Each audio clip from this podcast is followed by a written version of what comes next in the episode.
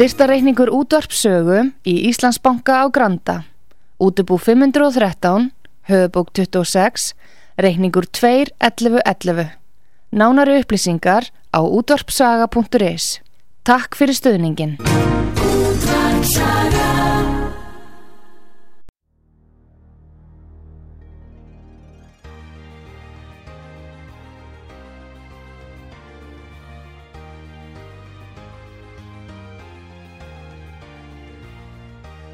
Heimsmálinn í umsjón Pétur Gunnlaugssonar. Fréttir og fréttatengt efni af Erlendum Vettvangi.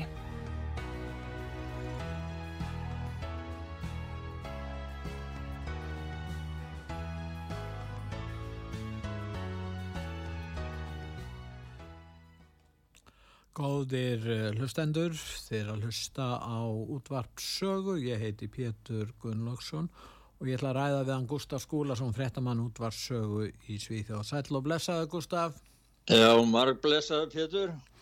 Nú við ætlum að hefja þáttinn á kynningu kvikmyndar sem ber heiti Tónar Frelsisins Já. og þar er það Mel Gibson, sá uh, frægi hérna, kvikmyndleikari og og sá sem gerði myndina um Jóhannes Guðspjallið eða já, Píslargangu Krist Píslargangu Krist heitir það það er ekki alveg klára á því sko. en þetta er, þetta er náttúrulega sko, mjög merkilegt það sem hann er að gera. Hann er að hefja kyn, hann er að framleiða þessa mynd sem síndverðu núna á morgun 4. júli á þjóðhöðadegi í Bandaríkjana og það er hann að lýsa ykkur sem að já, fólk í raun og veru er í kannski ákveðinu afnýtum gagvart. Það er þessu mannsala og börnun sem er eigað sér státum allan heim.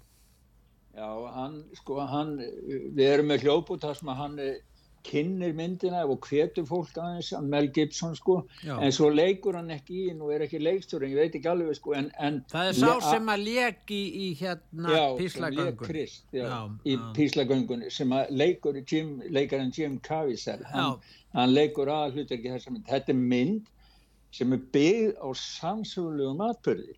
Það var starfsmæður hérna, öryggis uh, Home Security, Já. Homeland Security uh, stofnunnar í bandaríkjunum sem að hætti störfum og fór að skipta sér af þessu og þessi saga lýsir því hann, hann bjargar einhverjum dreng og myndi fjallar um það að hann lofaði drengnum að bjarga sýstir hans Já. og fjallar um það og allir aðstandunum myndarinnar sko, þeir hafa það að markmið að reyna að ná sko, mann í hvaða, tveimur miljónum eða hvaða hann var e, fyrstu vikuna en, en hún verður sem sagt frumsýnd á morgun en það eru, nei já að því að það voru tvö miljón, það er talið að það séu tvö, tvö tvær miljónir barna sem, sem eru á þessum sölu innan já, gæsalappa sölu markaðar ganga kaupum og, já, og það sem að, það, það fjölgar í þessum hópið því miður þegar að styrjaldir eru og svo já. þessi stjórnlausa stefna í málefnum innflýtjanda til dæmis á landamærum bandaríkjana þar hafa týnst mörg hundru þúsund börn á síðustu árum. Já, þetta, þetta hund... og, og hvað lenda þessi börn? Já, það, það hvert farðum, þetta er alveg ótrúlega sko. Eða að hlusta á hljóðbútin? Já, við skulum hlusta, við skulum hlusta á hljóðbútin og hérna hvað, hvað þar kemur fram. One of the most disturbing problems in our world today is human trafficking, and particularly the trafficking of children. Our future is our children. Now, the first step in eradicating this crime is awareness. Go see Sound of Freedom. It is the fastest growing international crime network that the world has ever seen. It has already passed the illegal arms trade, and soon it's gonna pass the drug trade. Because you can sell a bag of cocaine one time to a child, five to ten times a day. God's children are not for sale. You quit your job, and you go and rescue those kids. So at this moment, she could be a block down the road, or she could be in Moscow, Bangkok, LA. It's all rebel territory. No one goes in. Not the army, not the police, not us. What if this was your daughter? When God tells you what to do, you cannot hesitate. An estimated 2 million children are trafficked every year, and we can help them. Sound of Freedom is based on a true story about real life heroes saving kids from the dark world of child trafficking. We know this is heartbreaking and it hurts to look at. But the first step in helping these children is hearing their story. Not enough people know this problem exists, and even fewer people are willing to do anything about it. Já, Sound of Freedom heitir hún aðeinsku og Tóna Frelsris á íslensku en, en sko, hvernig eh, hún er frumsýnd á morgun heldur að við, við getum séð þessa mynd einhvern tíman Já, Já það, það er sko á heimasíðu sögu þá er linkur inn á síðu myndarinnar og, og e, þar er þetta að sjá ímsa nokkra myndbúta frá henni Já. og þar verða eru allar upplýsingar um sko hvað er hægt verður að sjá henni og ég veit ekki hvort þeir leggja hann út á neti strax eða, eða hvernig það verður sko. en þeir vilja, ég rekna með að það verður svoleiðis líka því að þeir vilja að þeir vilja snerta uh, fólk í heiminum um þetta vandamál það er það sem þeir vilja að gera með myndin sko. Já Já, og uh, þetta, sko, er, þeir tala um það að þetta sé alþjóðaglæpir sem að eru að verða ábáta saman, eh, hafa meiri hagnaði í förmisér heldur en, heldur en jafnvel eitulifja eða vopnasalan Já, eitulif og vopnasalan sko. þetta, þetta er alveg, sko, þetta er svo hryllilegt að, að, að hugsa til þess sko. það er erfitt að, að bara Það er alltaf upplöst fjölskyldunar sem hefur verið eiga sér staði nútíma samfélagi og svo þessar e, e, stjórnlausa stefna á landamærunum hér út um allt þar sem um, fólk er að koma inn með börn og, og, og það er ekkert vita hvort að þetta séu aðlar tengdir börnunum þegar þetta svo sem er bönnum er stólið og já, já, það já, er, er mannræninga sko, og það má ekkert kanna baklandi þú veist að það er einhvers konar útlýtinga anduð eða verða að byggja um upplýsingar, þú kannast við það alls saman. Já, þetta, þetta, er, þetta er ræðilegt sko, nei ég, ég vildi bara að mér fann sko að því að þetta er að gerast núna að það var ágætt að við veltum aðtikla á þessari mynd svo fólk vissi þá um hann og það var hægt að ræða meira um þessum á Mjög gott, ríkalegt vandamál. Nú ef við eh, snúum okkur að hérna, því sem er að vara að gerast í Kína núna, nú verðist þannig að World Economic Forum og kynverð stjórnvöld eru svona að miklu leiti sammála í, í helstu málum, efnahagsmálum og alþjóðamálum. Hvað segir það? Já, nei, þeir vinna saman og þetta samstarfi er, er á sér miklu lengri aðdraganda og búið að standa yfir í 14 ár. Ég hafði ekki hugmyndum það að, að sumar Davosið væri að haldi reglulegi í Kína hverju ári. Hann byrjaði nú að því Klaus Schwab þegar hann var að kynna fundin sko og segja hvað var nú gott að hittast núna því það hafi verið smá stopp út af COVID sko. Já. En þarna voru komið saman 1500 manns eh, frá 90 löndum í heiminn og þetta er fólk frá, eh, bæðið frá stjórnmálunum, frá fyrirtækjunum og frá alls konar bara þáttum mannlýsins og samfélagsins. Það er einhverjum tvö mál sem þið ræðum, það er nattræn umskipti í sambandi við græna hækkerfið og svo er það hitt stafrænan gjaldmiðil eh, selabankana og, og það er með að útrýma reyðu því. Þetta er svona þessi markmið sem þeir eru með svona í ögnablikinu. Já, það sem er, það sem er leggja mest áherslu á núna sko, það er, það er þessi tækni þróun sko, eh, gerfi, gerfi Já, greindin. hún kemur náttúrulega inn í þetta til að flýta fyrir þessu sko. Já, þeir ætla að láta gerfi greindina, þeir ætla að koma á stafrænu eftirliti, það er bara að koma öllu inn í snjálfsíman, uh, eh, bólupassa og bara þínu, þínu auðkennum, þú átt ekki að geta gert neitt nefnir gegnum síman, snjálfsíman og, og það ætla að láta gerfi greindina stjórna yfir og svo er, er, er það hitt að þeir eru að drífa á að, að núna öll lendi að taka upp social credit, það er að segja félagslegt lánakerfi ja. og þetta er til þess að þeir nái sem sett úr ösku framtíðar ösku enduræsingarinn að miklu sko, þeir nái bara for, forræði á öllum einstaklingum á jörðinu sem að nota þetta kerfi og Nigel Farage við hlustum að hann og eftir hvað hún er finnst um þetta sko, hann er með ákvæmna skonar og þess en þeir alltaf líka að segja þeir segja einnu að það byrja viðkjanna Kína sem er nýja leiðandi stórveldi heimsins sem er að lúta handleyslu þeirra og farsjá Já, hann, eh, það eru týst á heimasíðu sögum með frásögnum ymsra aðela um, um þetta og tilvitnanir og það sagði þarna eitt í alveg sér Kurt, hann segi að Klaus Happ hefur sagt við verðum að viðkenna Kína sem mikilvægasta uh, superpower eða hvað hva segir stórveldi Já. í heimennum. Já. En, en, en hann sagði sjálfur í opnunaræðinu sinni að, að það væri efnahagskerfi nummið tvö í heiminn í dag, Kína. Já. Þannig að bandaríkinn séu þá ekki staðar. Jú, en, þá, en já, þeir, ja, en það, þeir eru að falla þeir eru. Já. Eða að heyra eitthvað? Við skulum heyra það sem þeir segja frá World Economic Forum. Já, ég ætla bara aðeins að segja frá því. Þetta eru sem sagt, ég klifti saman þrjá stuttabúta. Það er Borgi Brendi sem er fórseti World Economic Forum. Já hann er að taka saman svona á síðasta degi hvað þeir hafa farið í gegnum og svo var eitt framkvæmdastjóri að lýsa yfir ágætti grænubildingarinnar og þáttöku Kína í því og svo síðast þá er það er svona svolítið svona óhugnalegt, það er Dr. Joseph Konstantín að lýsa tekninni að nú á að fara að koma svona agnir skinnjara sem fólk á að bera á sér. Já. Þetta er allt í einum búin.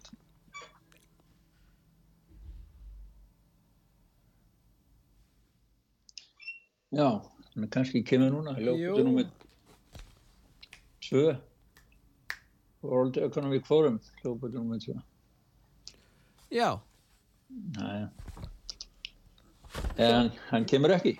hljóputu númið tvö. Over the past three days, we had the opportunity to launch and advance 25 initiatives.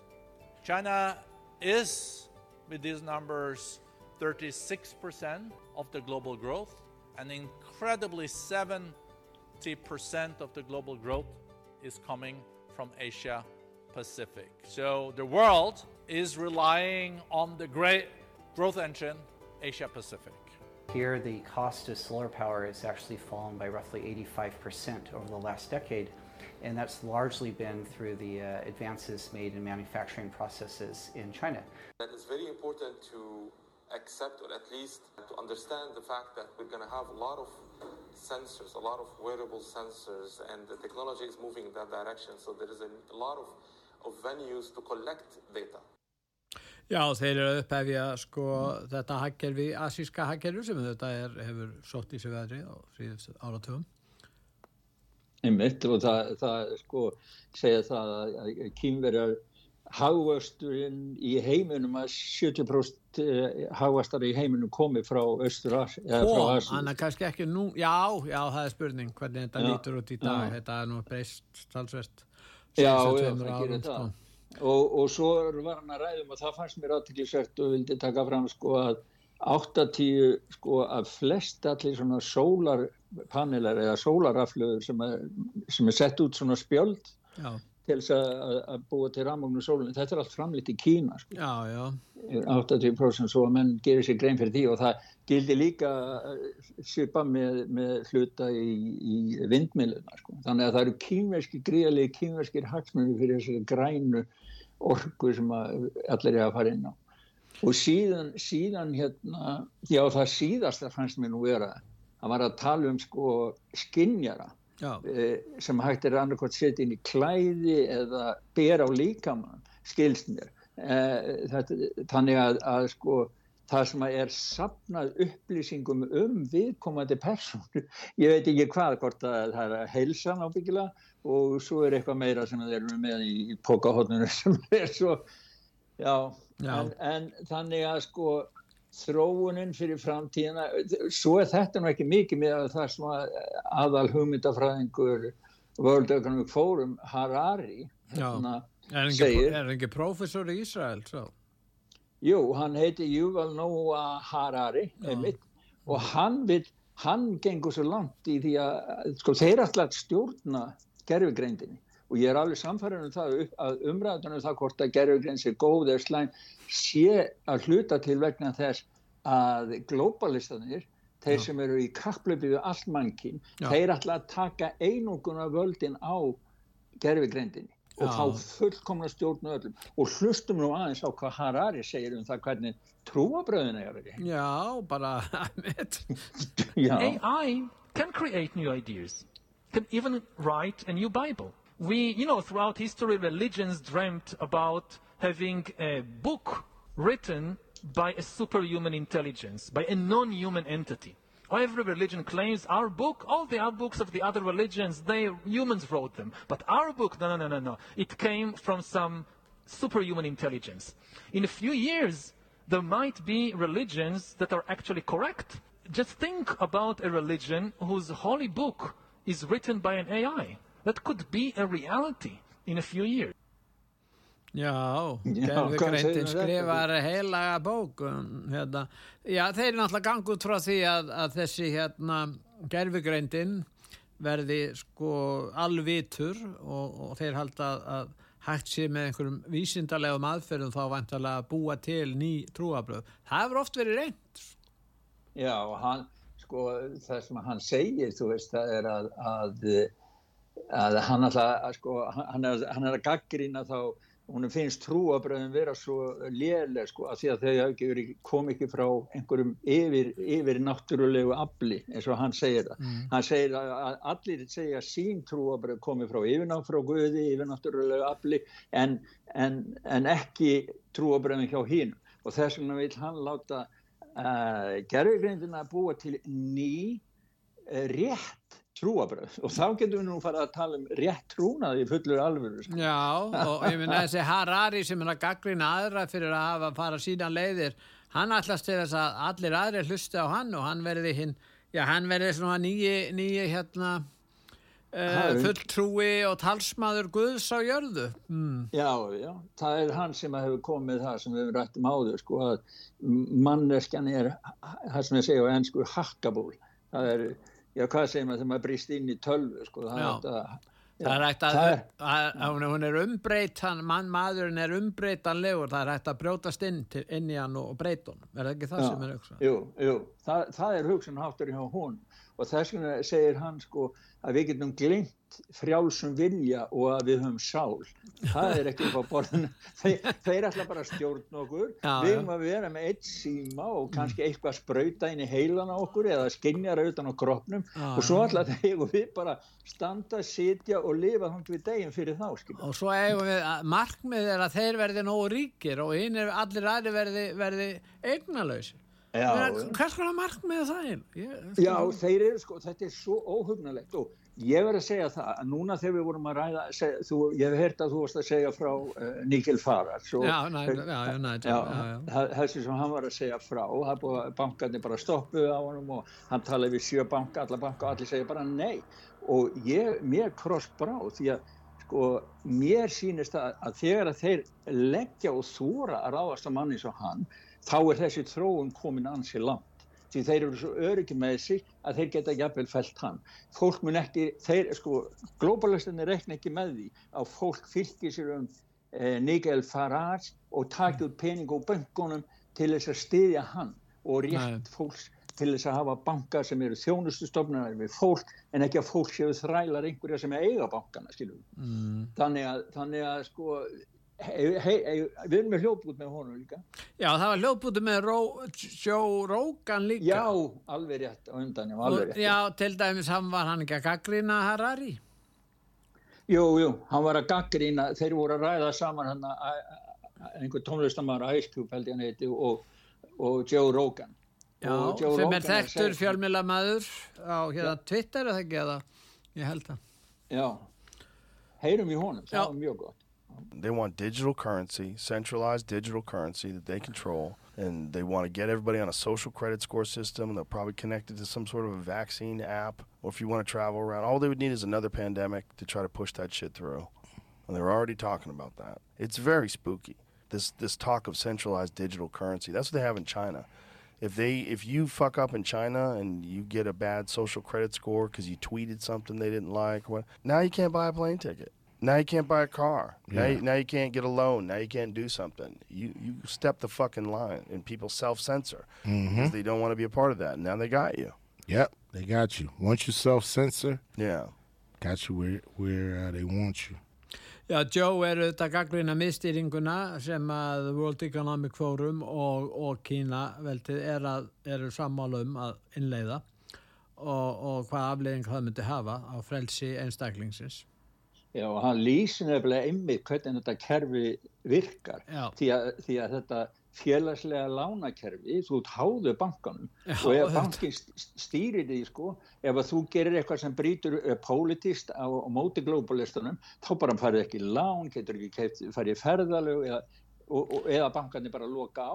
Eins og gert var við Nigel Farage, en Nigel Farage segir Ég veit ekki af hverju, ég spurði bankan akkur er það að gera þetta og hann fekk engin svör en það vilðist vera að helsta svarið sem að vinir hans fá er að rúss, þeir hafi verið í fjárhaslegum tengslum við rússa og þeir sem eru grunaður um slíkt það verður bara plokkuður bankareikningar á þá. Vil það við hugsaði? Já. Ég vil að... Já, Já það, það, sko það er sko ef þetta kerfi kemst á eins og þeir voru að ræða um Joe Rogan og, og Ice Cube. Þeir tala um sko að maður fari í sjálf rít sko maður lifir og maður verður að rít sko að sjá hann sig til þess að stikki ekki bankana skilur í, í, í dæminu með Nigel Farage þá hann var búin að leiða þetta, það voru stjórnmálanstæðingar á þingi, sko, einhverju verkamannaflokknum sem að koma með þessa lígi að hann uh, þetta var notað þess að var dreift í, í bara falsáraur Já, búið að gera var... þetta gagvart Trump, það búið að gera þetta gagvart fjölmjölamannum, það búið að gera þetta gagvart okkur hér á sögu, jafnvel, sem er alltaf algjör og algjör ósvýpni og lega þvættingur. Það bara já. ef þú ert ekki bara á, þinni, á þessari, þeirra línu þá ertu bara einhver rúsadindil sem er styrtur af rúsneska ríkinu. Þetta er náttúrulega, og þá má ég loka þá má ég taka mannréttinda þú hefur þá glatað allum grundvallar réttundum sem borgar í samfélaginu vegna þess að dellu ásakarnir eru, eru settar fram já. já, bara búið til bara já, búið til tilbúinu og sögur bara lög og réttur mannréttind og annað, það er bara ekki til. Nei. það er bara að fylgja lín hann sæði það, það hefur verið Sir Chris Bryant, þingmaður verkamannaflokksins sem hefði haldið fram hann hefði fengið 548.573 pund á einu almanaksári frá rúsneska ríkin hann bað bæði hann þannan þingmann Já. og fórsetta þingsins um að leiðrætta þetta. Og, en það hefur ekki verið dreyið tilbaka. Og það er ábygglað af nokkur ár síðan að bæða um það skilur Já Þannig en er það á grundvelli þessarar hérna órögstudd fullirðingar þar sem hann, að hann fær ekki lengur bankavískipti í uh, hann vann í, í, í, hérna City of London á sínum tíma. Hann var í verbreyfasölu á sínum tíma. Hann þekkjar þekkir bankakerfið í, í Brellandi það er bara pólitíst það er bara bank að búa að breyta sko eigundur, það svorir enginn að segja neitt gagvart eh, þeim sem að þessum super stór einuguna sinu sem að stjórna öllu að svorir enginn að segja neitt gegn því þá missum að business. Það er, þeir stjórn, eru farin að stjórna öllu kerfinu svona út um allan heim með svona kreditkerfi sko. Ef þú gerir ekki pólitist rétt það sem ég vil þá dregjum við viðskiptunum svona ætlaður stjórn Já, það er svolítið merkilegt að kymverski kommunistar sem að náttúrulega ráka á sínum tíma marsleininíska stefnu uh, gegna þetta auðveldsböngunum að þeir nota auðveldsbönguna núna sem er að fullkonu leið til að kúa menn. Já, þeir, þetta er kýmerska kerfi heyrum það sem að Mikael segir um þetta. Emmett, hlustum á Nigel, ok It's rather like living in Germany or Russia 80 years ago, or perhaps even communist China today. I wonder, are we living in communist China today in this country? Are we akin to communist China? Love your thoughts on that, please. Farage at gbnews.com. Well, all of this has been quite stressful and quite difficult because without a bank account, you simply can't exist, you simply can't live. But what's even worse is that over the course of the last few months, some of these ridiculous rules and closures have been extended to my immediate family. And whilst I'm sad and annoyed about where I am, I'm absolutely incandescent that members of my family should be singled out and targeted just because I campaigned for and pushed a Brexit campaign for all of those years. This is truly and utterly disgusting. Já, hann að segja að þeir ekki bara ofsækja hann heldur fjölskyldu hans líka vegna þess að hann var á sínu tíma að berjast fyrir Brexit og þetta séu svolítið hefndar ástafinir en þeir eru einmitt að segja það að þetta séu ykkur rúsari utan komandi aðlar en þeir hafi raun og verið ekkert í höndunum og þeir hafa geta ekkert sagt þannig að þeir fara bara þá leið að, að búa til og fabújuleira og ljúa og, og, og treysta því að fjölmiðlatin þeirra geti endur tekið þetta það ofta að fólk trúi þessu. Já, það er akkurát það sem er, er kjarni málsins. Og hvernig síðan ef þetta fara að áhrif á dómskerfið sko réttafarskerfið hvernig á maður sem einstaklingur að geta sótt lög og rétt og sín mannréttind og annað í slíku kerfi. En ég hef verið að, hef verið að tala um það að ég hef verið að stjórnmála væða alla þætti í samfélaginu og þarna eins og hann segir, þarna er verið að stjórnmála væða fyrirtækin. Það er að segja, það skiptir máli hvaða stjórnmálaskoðunir hefur ef þú ætla að hafa viðskiptu fyrirtæk. Það er verið að stjórnmála væða er raunumst allt. Það er verið að stjórnmála væða kirkuna, það er verið að stjórnmála væða embætismannakerfi, það er alltaf búið að stjórnmála væða sko fjölmiðlanan í, algjörlega. En, en að, sennilega verða ein, einu aðlættir sem tala ekkert um stjórnmál í framtíðinu verða svona stjórnmálaflokkatinn því að þeir, hafa ekkert að tala um. Þetta er alveg þannig að, að þetta er alveg, alveg reyngaleg þróun og þeir sem ætla að stjórna þessu öllu stjórnmálavæða samfélagi er lítill hópur mjög ómerkilegra hugmyndafræðinga sem er að tróða þessu upp á okkur. Til dæmis, þetta eru gamli sósialistar sem á sínum tíma stöttu missefnaðan sósialisma til þess að bjarga samfélagin og hjálpa fátæku fólki. Nú vita er vel að það er ekkert hægt að verja það lengur og þá fara er þessa leið sem við erum að tala um.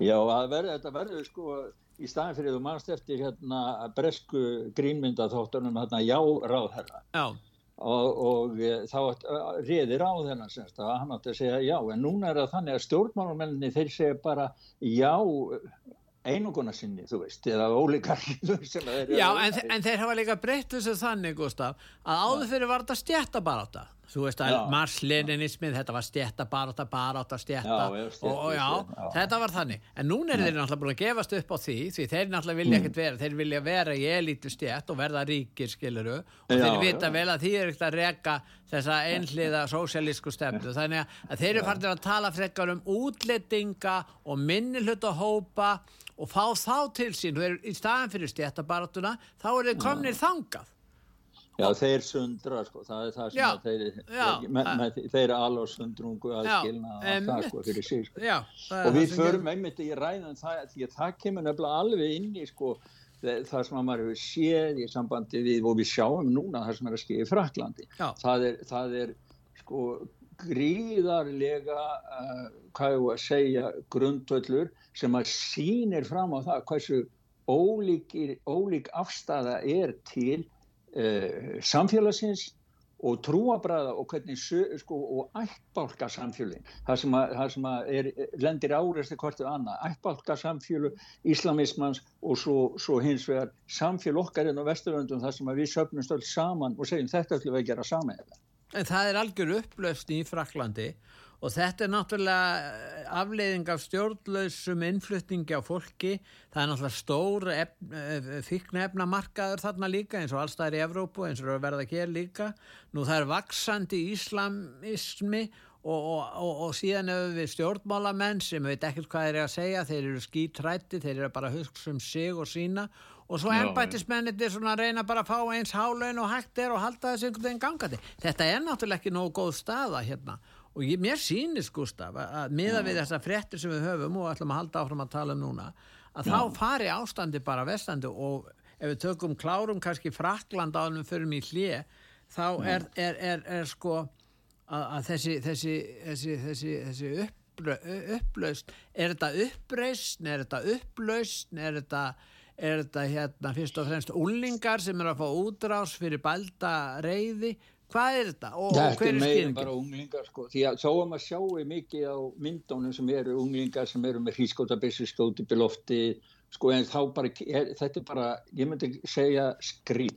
Þetta er fólk sem að, sko, ég menna þeir hafa farið brotið ráðast inn í búðir, stóluðu búðum, þeir, þeir, brjóta, þeir kveikja í, í, í bókasöfnum og, og menningarstofnunum, ráðast á stofnanir samfélagsins Og, og svo heyrir maður alltaf annars lægi svona alla akbar inn á millið þú veist sem er, stri, já, sem er nota nú líka í bænum já. islamistarnir og, og hérna sko þetta er nákvæmlega sama problematíku er hérna í Svíþjóð nema hún er komið miklu lengra í Fraklandi það eru hlýðar samfélagin í okkar samfélagi. Okkar samfélagi byggist á lögum og reglum, við höfum eitthvað kallum stjórnaskrá, svona ætlum við að vinna saman, þetta er það sem er mikilvægt og svo kósum við flokka eftir í hvað við viljum leika áherslu á, á, á að framkvæma.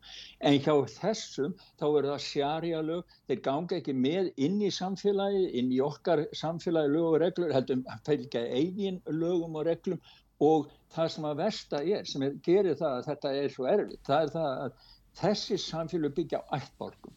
Og það er það sem maður hefur hérna í Svíþó glæpamennska hérna í Svíþó og bardagarna hérna í Svíþó það er á milli ættborga glæpa hópa. Nákvæmlega sama er í, er í Fraklandi en allir þessi virðast geta saminast um það þegar á að rífa niður, niður samfélagi sem hefur fætt á að klæpp markaðir. En Gustaf, hann Emmanuel ja. Macron myndi nú ekki fallast á það sem þú segir. Hann kennir tölvuspillanum um þetta. Hann segir bara Nei, þetta er alveg satt hann er að kenna, kenna tölvurspilanum með þetta Já, hva, hvað var hann að segja? Hann var á funda, hann var bara það eru búið að vera allt brjála bara inn, innbyrði styrjöld, það er búið að senda út 45.000 lögrumenn það er búið að handtaka fleiri þúsund manns og ég meina, hann var bara skemmt að sér og tónleikum með Elton John og konarnas að rokka við konarna sína og alveg gaman gaman, en hann neytti sér gær til þess að fara á fund og þeir með ráðhörum og öðrum því að það náttúrulega byrja að ráðast inn á heimili borgarstjóra og annara skilja. Já, hann var hann fyrir, fyrir gólistaflokkin eða fyrir þarna eh, þessi borgarstjóri í þessu útkverfi og konarnas fótbútin, hefur getað drepi fjölskyldur Já, hefur getað drepi fjölskyldur og það var fyrir að síðan þá gerist það sko. og, og ég meina hann, þeir, þeir ákveði gær það kom eh, ákveðum frá innaríkisræðanitin í Fraklandi gær. Þeir, þeir ákveði að banna internet á kvöldin takmark internet á kvöldin á sérstökum stöðum? Já, sérstökum stöðum. Sérstökum hverfum Já. Er það í rauða hverfinu gamla eða er það hverfið það sem er minnilut að hópa? Má segja frá því að mús... Heldur þið bara að taka internet á rauða hverfið? Nei, ég spyr bara. Ég spyr. Það er sko, það, þeir leggja, allir takk ekki bara leyslu frá hinn og se, bæta það, hugsa ég. En hérna, nei, þeir, sko, þeir segja það, þeir allir gera þetta því að hann segir, Makrón segir, já, þeir skipilegja bara uppreysninar á, á, á internetinu og svo faraði bara út og spila þessa tölvuleiki sem þeir eru heima og eru brálaðar út af segir Macron hann er snar rugglar, hann verist ekkert vita hvað er að skeiða en, en hann er voru... svo fáir sem stiðjan í dag sko. hann er, hans vinsældir hafa minkað verulega og hann var aldrei vinsæl bara ástæðan fyrir því að menn kusu hann þeir vildu ekki fá Marine Le Pen sem fekk 42% í fórstakostingum og, og þeir eru að reyna að stöðva framgang uh, hérna, þjóðfylkingarinnar með því að kjósa Emmanuel Macron. Þannig eru pólitíkin að þróast í Fraklandi. Já, og þannig sér maður þegar að fólk svona hoppar á eitthvað sem er nýtt og spennandi. Sá, sá til dæmis þegar gnarismin á Íslandi já, og þú sýta allir uppi með með ónýtan borgarstjóra sem er búið að draga borgina uh, og líf borgarbúa nýri svaði sko, tekur ábyggilega nokkra kynsluður að taka sér upp úr því. Sko, fólk verður aðeins að spá í hvað er að gera þegar að merkja við listan sko, og ekki, ekki að reyfa sér svona sko. Macron hann er eins og þú segir, hann er búin að vera gjörsamlega búin að vera En það er spurningin sko, nú eru mjög margir muslimar í Fraklandi og mm. það, það er að gerast núna að vísu er náttúrulega þetta fólk í Svíþjóð að kveika í hérna kóran. Ég, ég veit ekki hva, hvaða fólk er það eiginlega sem að, hérna, er að kveika í kóran? Jú, fyrst var það þessi Paludan Já, það er frá Danmörku sem er orðin svíi sko, Já, jú, jú. Mm. hann hérna, sko hann formaður einhvers lítilsflokks í Danmörku og hann sko, hann virtist meira bara verið að gera þetta til þess að fá aðtikla á sjálfum sér sko, og auðvisa flokkin sinn þannig að, eh, að því að hann vissi hvaða æsingu verður út af því að vera að brenna Korani síðan hafa verið miklar umræðu hérna hvort að ég er leif eða ekki leifa stjórnarskráni leif þetta. Lauruglan hafði bannaði honum að gera einhver tíman en var að bakka með það og leifa honum að gera áfram.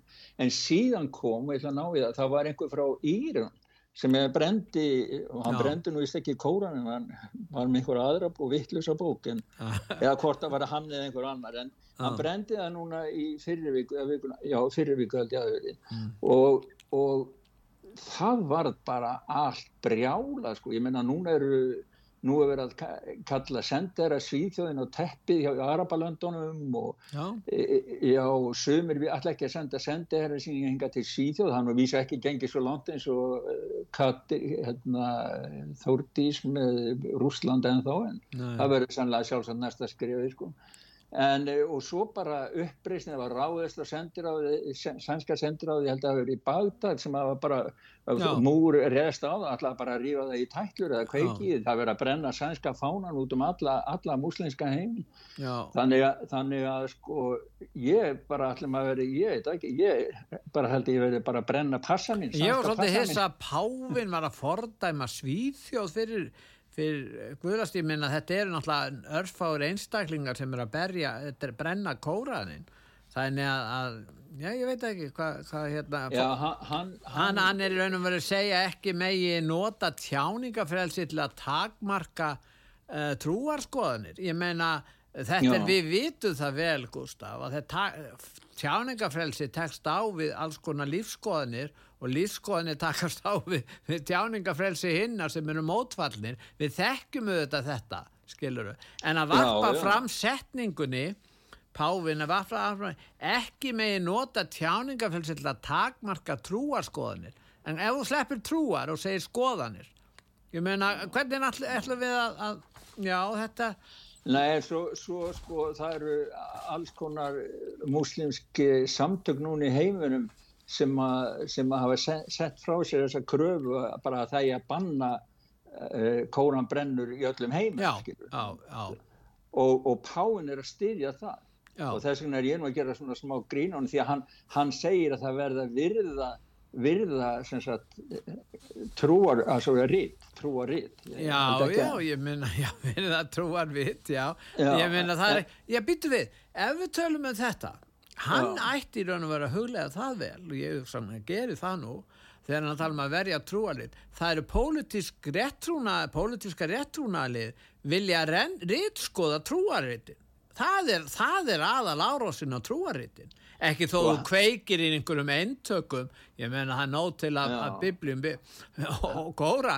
Ég menna hins vegar ef það verður innleitt í lög að þetta með, það með ekki standa þetta í biblíunni hjá Páli Postula eða, eða í kóran. Ég menna það er ímest sem stendur það sem er í, ekki samræmi við e, e, hérna lífskoðanir hérna svo kvöldu framfara afla í nútíma samfélagi, þú þekkir það? Já, og ég, ég spyr sko og við höfum rætta áður og ég hef skrifað greinum það sko Kommunistaflokk í Kína, Já. þeir breyttu biblíunni því að biblíun hún var gerð svona sem trúabröð sem eru undir, hvað ég var að segja kommunismin og kommuníska kerfið er æðri guði sko. Já, já og þeir, kommunistaflokkurinn á, á svæðismundu stöðum, þeir velja biskupana sem er að stjórn í kirkunni Vatikanið og Pávin tekur á móti miljörðum og miljörðum af peningum frá Kína til þess að halda, til þess að þeia yfir þessu máli.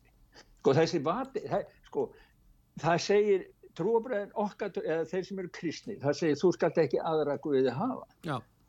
En hann er að verja alla það er ekki Guð kristna ég finnst sem að margir katholikar er ekki sammála honum, skjáðu til sko, já, Gustaf, ég geti ímynda mér það en sko. það er, ég meina, ég veit það ekki en, en það er nú ímis viðhór sem hafa byrst þar sem er í rópandi anstöðu við það sem meiri hluti katholika hefur skoðan er á, en við ætlum að fara í öllisinga núna Gustaf Já. og svo komum við aftur en þið er að hlusta út var sögu, ég heiti Pétur Gunnlaugsson og ég er að ræða við hann Gustaf Skúlason okkar mann í Svítjóð og við ætlum að fara í öllisingar og komum svo aftur.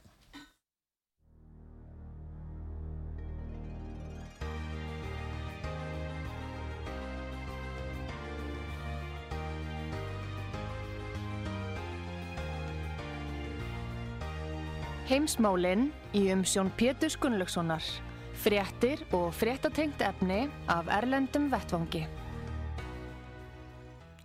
Góðir eh, hlustendur, þeir að hlusta á útvarp sögu. Ég heiti Pétur Gunnlaugsson og ég er að ræða við hann Gustaf Skúlason í Svíþjóð. Gustaf, það er hérna fjölmjölamenni eins og Takkar Karlsson og Hersh, hérna Seymour Hersh Já. sem er nú frægur eh, hérna rannsóknarbladamæður og Takkar er nú alltaf mjög þekktur og frægur, Rekin frá Fox á sínum tíma. Og hann er að tala um það hann tökkar að uh, það er sér verið að verja þeir haldaði verið sér að verja líðræðið í Ukrænu nú er Selenski búin að banna og fessutakostningar og segist alltaf fresta þessum kostningum þar til stríðinu líkur nú er, kannski líkur þessi stríð ekkert á næstu áratugum þannig að mér sínast að hann er langa framtíð fyrir sér hann í þessu embætti hann í kæningali sem, sem, sem einræðisæra sem ákveður sjálfu hvenar á að kjósa. Hvenar á að fresta? Menn hafa ég ætla að vera fórsett áfram ekki kjósa neitt sko, menn hafa farið í styrjaldir og haldi kostningar það er ofskerst já en ekki, ekki já Sko, nei, hann er að velta í fyrir sér tökkir sko, hann er bara að spyrja út frá vennunum bandaríkjamanni, skilur, hvað við erum búin að eða svo miklu peningi þetta strí, þetta lítur að vera, við, við erum mikilvægt fyrir okkur, hvað segja, hvað segja okkar ráðamenn? Og svo byrti hann, þessi bútur er á, á heimasíðu sögur, byrti hann ummæli fjölda þekktra manna eins og Nancy Pelosi og, og forraðamanna sem allir tala um það bara demokrati, við erum að verja líðræði, þetta er gott fyrir okkur, því, það verður að verja líðræðið í Úkrænu vegna þess að það er líka líðræðið okkar. Og þá sagði ég, all right, og svo hvað segja þá valdamenn í Úkrænu og þá tók hann það. Já. Og það var nú annar hljóð í hotinu heldur líðræðið þar, þannig að hann er svona að, að velta þessum anstæðum upp og, og, og tala um sko stríð og frið stjórnmálamenn og völd þeirra sko, í, á, á þessum tíma sko. Without Ukrainian democracy, we can have no democracy here. If the Ukrainians aren't free, neither are we. We must make sure they can vote in Kiev so we can continue to vote in Kansas City. It's really that simple. And yet tonight, we regret to tell you that we have a problem. It looks like they're not going to be able to vote in Kiev anymore. And no, for once, it's not Putin's fault. Democracy in Ukraine seems to be suspended by the world's foremost democracy advocate himself, Field Marshal Zelensky. So when you have an election, well, he says if we win, we'll let people vote. Otherwise, no. You vote when we feel like it, because ultimately we're completely in charge and make all the rules. Your job is to obey or be punished. That's our version of self government. Self means me. I'm the government. Once war breaks out, politicians become gods with the power of life and death. So, in a peaceful democracy, you have to debate your political opponents in public, and that's tiresome. But in a war for democracy, you can just throw them in jail or have them executed. You can see that many in Washington are looking forward to that moment. Já, hann er að bera saman þetta að það ger svo krafa á Vesturlöndum að, að líðræði verði varið í Úkrænu til þess að við höldum okkar líðræði hér. Já. Við séum raun og vera að berjast fyrir líðræði hér á Vesturlöndum með því að senda vopn og stiðja Ukrænu vegna innrásarinnar frá Rúslandi þetta er svona þetta er svona svolítið sko að, að, og svo fæðir þessi líravæð sparátt af sér einræðisæðan og þá voru hann segja hvaða stutt í það frá sko, að stríð drepi liðræði sko. byltingi getur börni sín byltingi getur börni sín en, já, sko. já, er, en, en sko en nú kemur hann hersaðna, hann er að tala um það sko menn deilum það hvernig þetta gengur hjá Úkrænu það er eins og réttlætingin fyrir áframhaldandi stríði byggist að því hvort að Úkrænu munum gangi vel í gagsokn eða ekki skilju þetta gengur allt út á, á velgengni á vigvelli skilur þeir, það er öll umræðan sem snýttu það í raun og veru. Og einhverja vagnersveitir sem voru að gera einhverja vittleysis uppreist og, og þetta er allt á þessum nótum. Já, já, það er það er, sko, það er það er, það eru bara afskaplega fáarati sem tala fyrir fríði ungur ef hann tala fyrir fríði Kína hefur lagt fram Afrískir frá Söður Afríku og, og nokkur aðrir koma fram með tilur en, en öll Vesturlöndin og NATO það er búið ákveða það, það á að leysa þetta mál á výgveldinu. Það er bara sá sem hefur meiri græur og meiri herrmenn og, og, og getur drep, drepið sem flesta af sínum aðstæðing vinnur. Það er það sem á að gera. Við ætlum að taka tilbaka all, all, all landsvæði sem að Rúsland hefur tekið á Úgrænu. Þetta er það sem er, er upp á borðinu hjá Vesturlöndum og, og NATO. Og miðað við þetta þá er hann að tala um það sko að, að hann, hann hafði, Seymour Hersh hefur samband við fólk sem er í bandarísku leinithjónustu sem veit miklu meira heldur en kvítási kvítási bara bablar eitthvað fyrir fjölmiðla og svona sem heldur að þessi það er fyrir fólk. En Úgræna hefur bara aðeins tekið á þessum tvei, fyrstu tveimu vikum aðgerðina. 113 per kilometru landsvæði sem rúsneski hafði áður. Aftur móti hefur Rúsland núna yfir, yfir 100.000 per kilometrum á úgrænsku landsvæði og það var þessi maður sem að, hann hafði bara í sambandi sagði að hann myndi taka hér Selenskís 117 á að frelsa, frelsa með við þennan tíma sko já. Já, og svo var annar sko sem að þeir eru nú ekki allir sammálu um hvað þetta langa tíma, það var einn Harvard professor Graham Allinson, hann skrifaði grein núna í Washington Post og hann sagði ef Úgræn gengur ekki betur þá munur landsvæðin ekki endur hendast næstu 16 ári mm.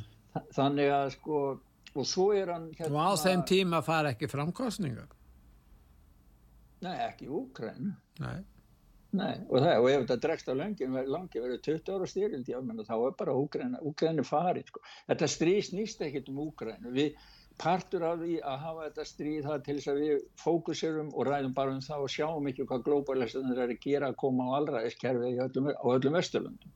Það er það sem við... En nú er leinifundur í Kaupanahöfn, það, er, eh, sko, það eru öflinnan Úkrænu sem vilja semja og við rússa viljist vera. Þannig að það er, það er einhverju friðarfundir eða tilraun til þess að, að reyna Já. að ná einhverju samstöðu eða lendingu, friðarlendingu ef maður kalla það það. Já, ég var nú hissa þegar ég sá þetta sko, það voru ráðgjafa, diplomatar, líkil personum frá 14 löndum og þetta átti að hafa verið skindifundur og það kom fólk frá Brasil, Indland og Söður-Afríku, Bríkslöndunum og en rússum var hins vegar ekki bóðið, þeir voru ekki velkomnin, en Kína var bóðið, Mm. en það mætti enginn frá Kína á fundin, þannig að maður, ég skil Nei. ekki hvað, hvað þetta er, skilur. Og, en við ættum kannski að heyra þess að hérna Douglas MacGregor, Já, hann, hann er að tala um, um, um hérna, stöðun í Rússlandi eftir þessa missefniðu Vagner uppreist, ég veit ekki hvað að kalla hann. Já, sem að var ekki eiginlega, hann er Nei. að útskýra fyrir fólki, sko, fyrir sínu landsmönnum hvað, hvað þetta er, því hann segir að fólk miskýri þetta. Well, Prigozhin is a complex figure. I- I- certain things need to be understood up front about him and Wagner. First, Americans need to understand that the Wagner Group is really very analogous to the French Foreign Legion. Uh, whatever their origins, and they're they're certainly a creature to some extent of Russian intelligence for use overseas, but they have fought in this war tirelessly to advance the Russian cause, and they've taken the casualties to prove it. So they are enormously popular with the Russian people. Russian people love Wagner, but he is seen as a voice that the Russian people strongly support because of his ferocious determination to fight and win this war. And I think it has to be understood that the Russian people, large numbers of people in the Russian military establishment, are very frustrated with uh, Putin's exercise of considerable restraint. We in the West don't seem to understand that Putin has moved very cautiously and deliberately throughout this war. He doesn't want to provoke NATO intervention. He wants to avoid a war with the United States. And as a result, each of the gains that the Russians have made have been quite limited and incremental. And people are fed up with it. Já, hann, hann svona að lýsa því að Wagner uh, fólkið væri miklu róttækara og gerði meiri kröfur um árangur í stríðinu við Ukrænu og, og að Putin væri tiltölu hófsamur í, í sambandi við kröfur sínar, ef maður segja landakröfur í samanburði við þessa í Wagner-grúfunu, þannig að, að það er sér öll í Rúslandi sem að í raun og veru eru miklu líklegri til þess að beita meiri hörku heldur en Putin ef, ef honum er sparka.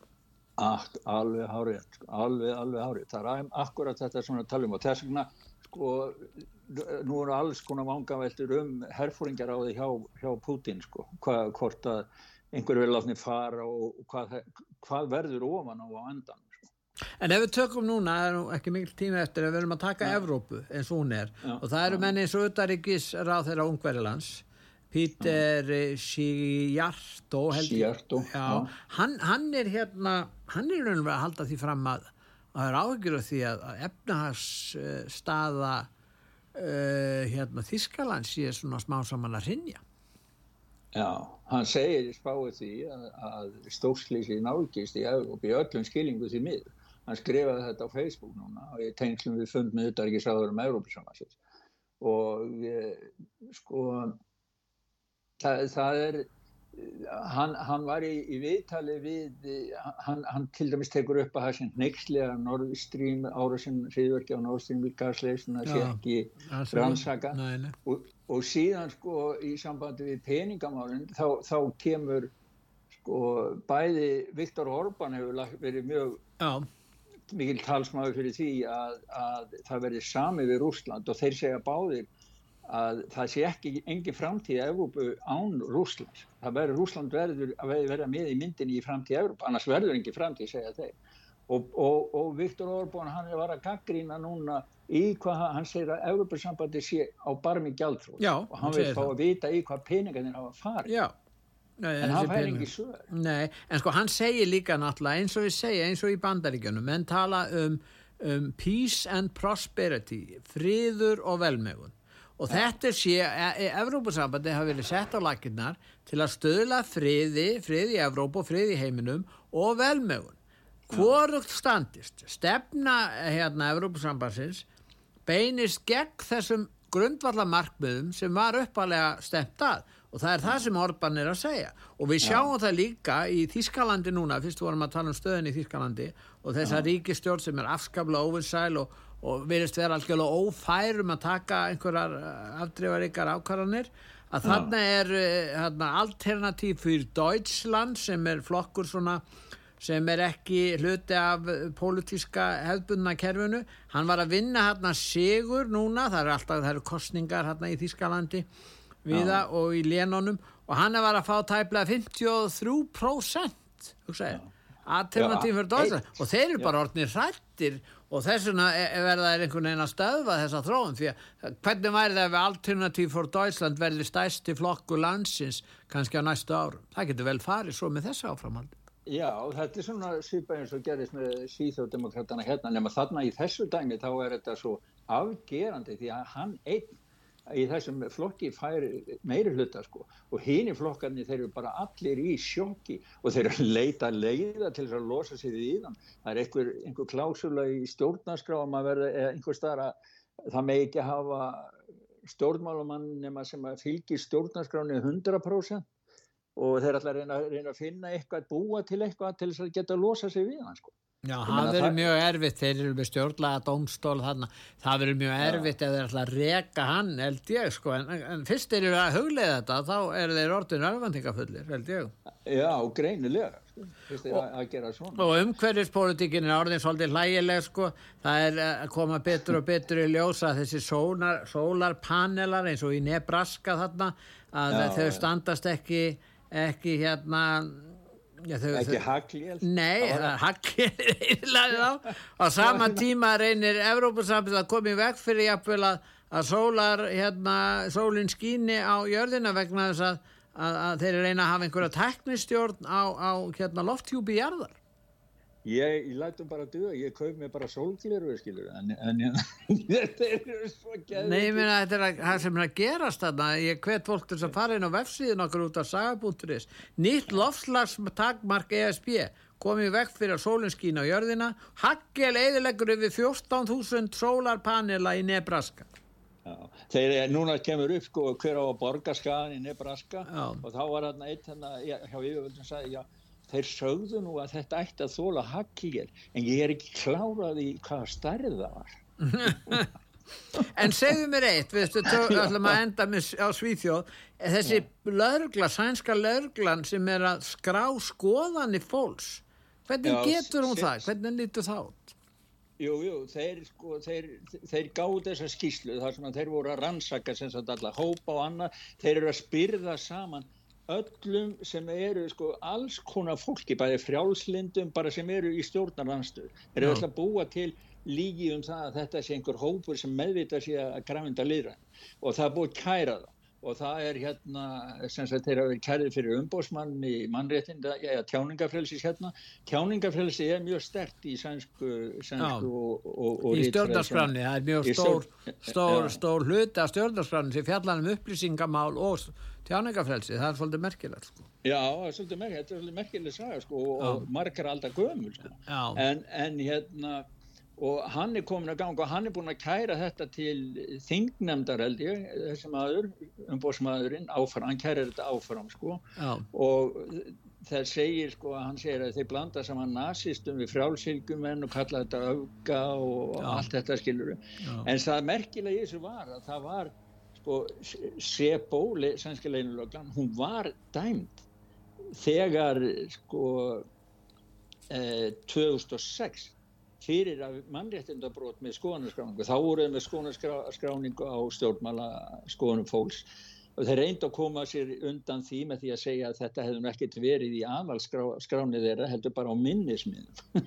Skrá, skráinu fólk með, með óþægilega, þeir voru bara að gera þetta fyrir sósildemokrataflokkin Jó, en, en sko það er eins og Magdalena Andersson sem stýrir þessum sósildemokrataflokki en þá, að hún er fúli við því að, að Svíþjóðademokratatir eru með einhverju lítinn fjölmiðl sem heitir hvað Ríks og, já, og þeir að vera gaggrína og þeir náttúrulega ganga mjög harta eins og gengið er að þeim, við vitum það. Og svo er hann væla um þetta mál við, við fósildisráðra Úl Kristensen og segir við hann þú verður að hætta að starfa með svíþjóðademokratu því þeir eru að tala illum okkur. Ég meina hvað Já, já, já, velkomin inn í svænsku pólitíkina, Petur. Svona, nei, það er bara, þeir eru, sko, þeir, allt sem þeir segja krataðin hérna sem þeir eru ásaka aðrum, þeir eru markvælt verið sjálfur. Ég stóð sjálfur hérna á, í síðustu kostningum, eða kostningunum þar áður, hérna á torgunu, þá voru 12 óra krakkar, það búið að hræða 12 óra börni innflýtjanda, vegna þess að það var sagt að svíþjóðdegum að kratta færi heim og tækju börnin á fóreldan og þetta kom frá grötunum hérna sko. Nei en það er kannski tvent að sko svíjarnir hafa sagt nei við vú þetta er nú gott, þeir segja nei við einræði heilbíðismálum, það er Já. sænst ákall gegn hérna allþjóða heilbíðismálstofn, þetta er Já. mjög gott þetta skulle gerast í Svíþjóð en sko en Svíþjóðar eru ekki á leiðin í NATO það er líku, það er stóra frettin úr vikunni vegna þess að, að, að hérna Erdogan allar er, er mjög er er í hættu út af þessum kóranbrennum vegna þess að, að, að hægri sinnaðir eða hvað ég maður kalla þá uh, rótækir, muslimar og íslamistar í, í Tyrklandi eru náttúrulega mjög ósáttir við þetta. Og, og svo er það Orban og, ungverðandi líka þannig að ég sé ekki að Svíþjóð fari inn í NATO á þessu ári Það er allt á söðu punkti hérna.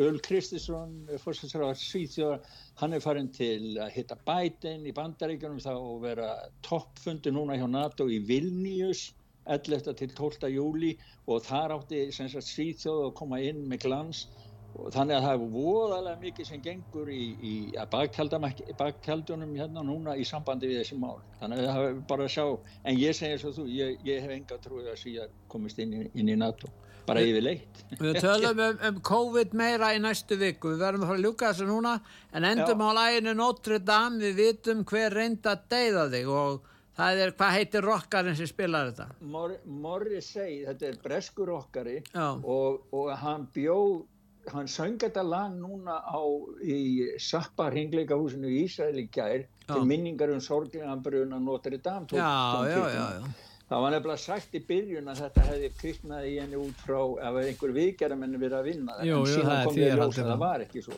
Nei. þannig að hann er svona að syngja þetta, en þetta er ekki stúdioupptaka, það hún er ekki komin út ennþá þetta er bara á, hljó, á hljómengum þá kannski gæðin ekki alveg hundra Við lúkum með þessu lagi Takk að þér fyrir Takk að þér sem leiðist Pétur og hlustendur út af svo Takk. Já,